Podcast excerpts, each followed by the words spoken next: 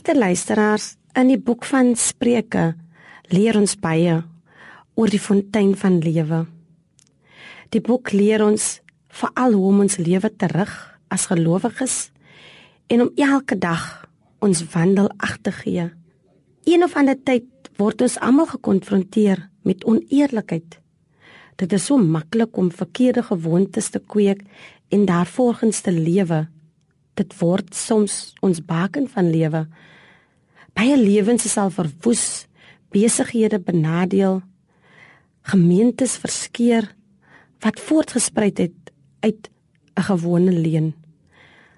Ons wat die weg van die lewe bewandel en opreg lewe soek in die egtheid van die vertroue in die mens word soms teleurgestel deur leuns. Oneerlikheid het die vermoë om verhoudings te verbrokkel. Om die waarheid te lewe word deel van ons waardes as 'n kind. Ons almal het opgegroei met goeie waardes en normes. Dit vorm 'n belangrike komponent wat ons aan mekaar bind. Die opregtheid van ons hart leer ons ook om die waarheid te glo en om die waarheid te lewe. Indien jy met die waarheid lewe, sal jy ook die waarheid spreek.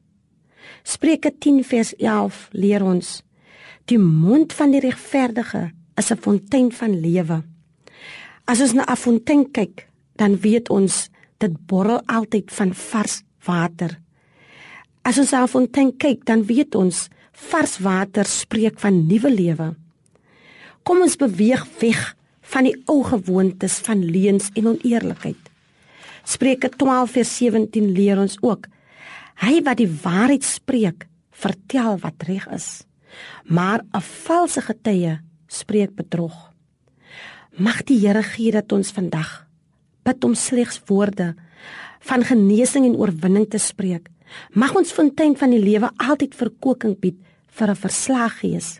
Mag die sagtheid van ons woorde vriendelikheid en met oorleg wees. Die omstandighede van die lewe besorg genoeg pyn, maar die regverdige se woorde kan met verstandige woorde lewe spreek. Here gee vandag dat ek nie woorde van leuns lewe nie. Gee my opregtheid van hart sodat ek 'n fontein van vars borrelende water sal wees. Amen.